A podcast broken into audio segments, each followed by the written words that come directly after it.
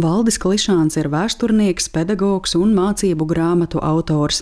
1991. gadā viņš strādāja divās darba vietās - Latvijas Universitātes vēstures un filozofijas fakultātē un Rīgas 36. vidusskolā, tagadējā Teikas vidusskolā. Barikāžu laiks Valdim Klišānam vairāk saistīts tieši ar vēstures un filozofijas fakultāti.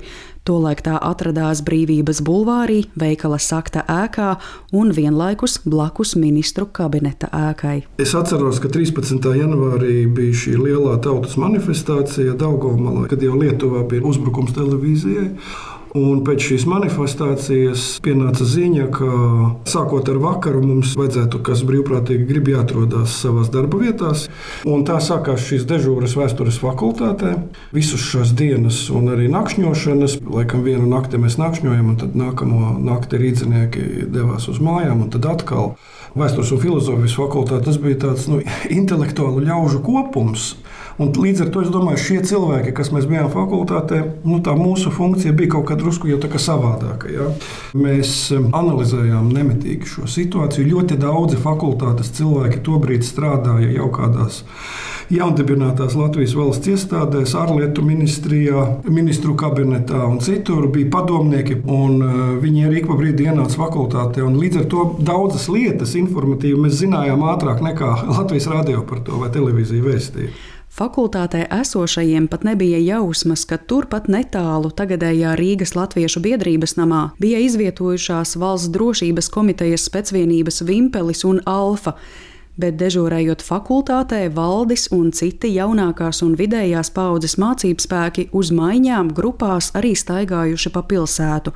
Pirmā spilgtā atmiņa valdim Klišānam ir saistīta ar vecrīgu, kas no vienas puses radījusi sirreālu sajūtu, dažādu vecumu cilvēki gāzmaskās No otras puses, šāda aina izsaukusi arī bailes. Tu saprati, kas notiktu, ja patiešām uzbruktu, un, un kas tad notiktu ar visiem šiem cilvēkiem, ar šīm sievietēm, bērniem. Tas būtu briesmīgi, ja tas būtu noticis. Jā.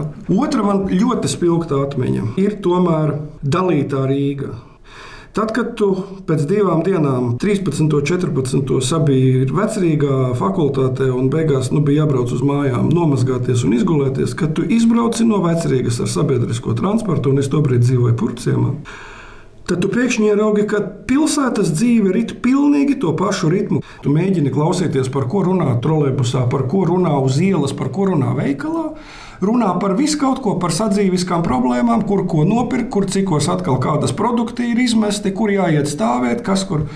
Vispār absolūti cita pasaule. Tajā brīdī bija tādas iekšējas šaubas, nu, kurā pusē ir tas vairākums. Ja? Un, protams, tobrīd bija tādas bažas, uz kuru pusi šī inertā masa var sliekties. Un, kā vēlāk izrādījās, viņa patiešām bija inerta masa, kurai viss bija pilnīgi viss vienalga. Tie bija šie homo sovietikus, kā mēs šobrīd sakām, un viņi arī negāja aizstāvēt. Eh, viņiem nebija nekādas pārliecības, un, un paldies Dievam, varbūt Latvijas apstākļos, ka viņiem nebija nekādas vairumam pārliecības. Un trešais spilgtais notikums, kas man palicis atmiņā, tas ir 15. janvārs bija mēģināts, varbūt ne ar militāra spēka palīdzību no padomju puses, mainīt situāciju, bet izmantot, lūk, kā es tikko teicu, šo inerto masu. Un interfrontes mītīņš ASK stadionā un jau no paša rīta izplatījās jau runas, ka ir plānota nosacīti šo trieciennieku kaut kādu, nu, pēc Ukrainas 14. gada notikumiem, ko sauc par tituškām, ja, ka tie būs kaut kādi sportiski, krievalodīgi runājošie izsitēji, kuri tagad lielā barā pulcēsies ASK Olimpiskā stadionā. Pēc tam bija paredzēts, ka viņi ies gājienā līdz Leņķina piemineklim ar mērķi nolikt ziedus pie Leņķina pieminekļa, bet jāsaprot, ka Leņķina piemineklis atradās blakus ministru kabineta ēkai un līdzās visām barikādēm. Un tas bija nu, viennozīmīgi skaidrs, ja tas notiks, tad būs kaut kas. Nu, lūk, un tad nu, mēs arī vīriešu cilvēki gājām līdz tam Leņķina piemineklim, skatīties, nu, kas tagad notiks. Tur bija tūkstošiem vīriešu, latviešu, ne tikai latviešu, bija arī krievalodīgi un bija citi. Jā, starp citu, plīvoja Krievijas trikolors pie ministru kabineta ēkas, kas demonstrēja, ka demokrātiskā Krievija ir mūsu pusē. Bet visi bija ļoti saspringti. Praktiski nu, tad situācija ka tūlīt būs kauja. Nu, tagad visi gaida, un nekas nenotiek. Un gaida, gaida, gaida, gaida. Neviens nenāk. Ir bariņā, kas mēs no fakultātes bijām. Man liekas, tas bija sociologs Aigars Freimanis, kurš teica, ejam viņiem pretīm skatīties. Nu, kad tad viņi beidzot, beidzot viņi nāks? Nu, mēs sākām iet pa brīvības ielu, toreiz jau Ļeņina ielu, sākām iet teikas virzienā, gaisa tiltu virzienā, ejam, ejam, ejam, un pēc tam nogriezāmies uz Baronu ielu lai uz ASK stadionu neviena nav. nav tā mēs beigās aizējām līdz ASK stadionam, tas ir tukšs, neviena nav. Un mēs tā kā zinām, tāda nu, labi atvieglojuma sajūta, jo tur varēja patiešām būt kaut kāda asins izliešana, bet uh, arī vilšanās, ka nekas nav noticis. Kā vēlāk izrādās, tas ir tas, ko es teicu, šī inertā masa daudzajādi izšķīra visu tas, kā tolaik Padomju televīzija laida vienu no pirmajiem latviešu seriāliem vai ziepju operām. Es neatceros, vai tā bija Verdzena izaura vai tā bija Bagāti arī rauda.